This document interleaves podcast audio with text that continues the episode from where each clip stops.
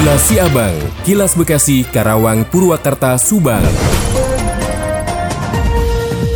Diinformasikan dari Karawang, Kementerian Kelautan dan Perikanan atau KKP melalui Direktorat Jenderal Perikanan Tangkap bersama Komisi 4 DPR RI mengunjungi Kampung Nelayan Tanjung Pakis Karawang pada Sabtu 21 Mei 2022. Kegiatan tersebut merupakan rangkaian bakti nelayan yang rutin dilaksanakan di berbagai daerah di Indonesia. Dikatakan oleh staf ahli Menteri Kelautan dan Perikanan bidang ekonomi, sosial, dan budaya Darmadi Aris Wibowo. Kementerian Kelautan dan Perikanan konsisten melakukan kegiatan bakti nelayan untuk membantu dan memperdayakan nelayan di masa pandemi. Tujuannya adalah agar aktivitas dan perekonomian perikanan tangkap terus berjalan. Pemberian bantuan pemerintah terus disinergikan dan diintensifkan, termasuk melalui konsep pengembangan kampung nelayan maju atau Kalaju yang menjadi program KKP.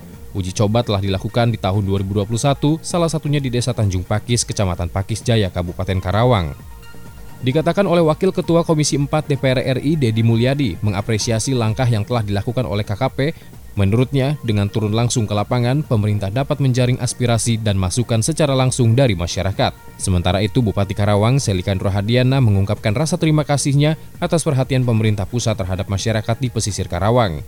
Selika berharap potensi perikanan tangkap di Karawang dapat terus didorong untuk peningkatan kesejahteraan nelayan dan keluarganya. Demikian Yuda Arya Seta, 96,9 FM Adis Radio Karawang untuk Kilas Siabang. Kilas Siabang, Kilas Bekasi, Karawang, Purwakarta, Subang. Dari Subang dibewarakan pembangunan jalan tol akses Patimban akan melintasi 20 desa tersebar di 10 kecamatan berada di wilayah Kabupaten Subang sepanjang hampir 37,5 km dengan lebar 20 meter tersebut saat ini sudah memasuki penetapan lokasi atau penlok Rencananya jalan tol akses penghubung pelabuhan Patimban dengan kawasan industri Surya Cipta atau Subang Semarpolitan akan menggunakan lahan seluas 340,115 hektar.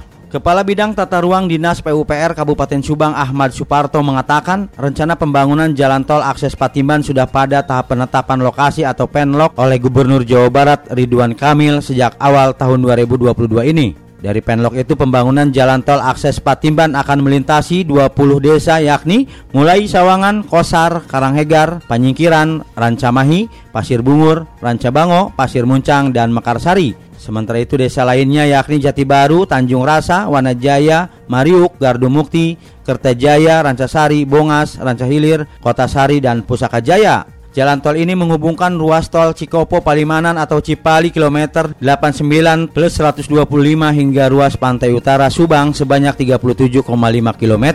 Demikian Coco GSP Radio ngabewarakeun untuk Kilas Abang. Kilas Abang, Kilas Bekasi, Karawang, Purwakarta, Subang.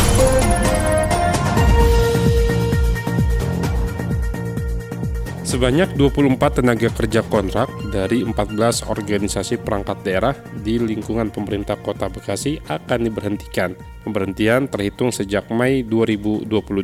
Kasubag Humas Pemkot Bekasi, Saikti Rubiah mengatakan pemberhentian puluhan TKK tersebut dikarenakan berbagai hal, di antaranya ketidakdisiplinan dalam bekerja dan pengunduran diri. Adapun 14 OPD yang menerima SK pemberhentian TKK berdasarkan informasi BKSDM Kota Bekasi yaitu pada Dinas Tata Ruang, Dinas Kesehatan, Dinas Bina Marga dan Sumber Daya Air, Dinas Pendidikan, Dinas Arsip dan Perpustakaan Daerah, Dinas Perdagangan dan Perindustrian, Badan Pengelola Keuangan Aset Daerah, Dinas Kominfo Standi, Dinas Lingkungan Hidup, Dinas Pemadam Kebakaran, Dinas Penanaman Modal, Pelayanan Terpadu Satu Pintu, Dinas Perkimtan, dan juga Kecamatan Bekasi Selatan, serta Kecamatan Rawalumbu. Jainuddin Ishak, Radio Dakta Bekasi, melaporkan.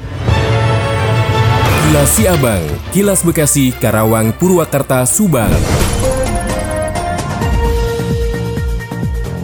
Dari Subang, Bupati Subang Yani Rohimat menghadiri Grand Final Pasanggiri Mojang Jejaka Kabupaten Subang di tahun 2022.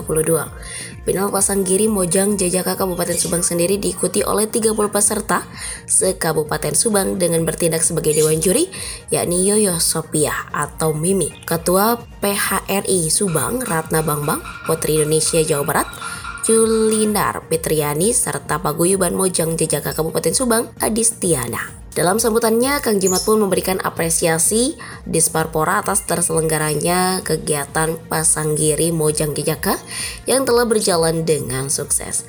Kang Jimat pun menyampaikan bahwa kegiatan Pasanggiri Mojang Jejaka ini merupakan media yang tepat untuk pembentukan karakter bangsa yang memiliki kepedulian yang tinggi terhadap seni budaya dan pariwisata daerah.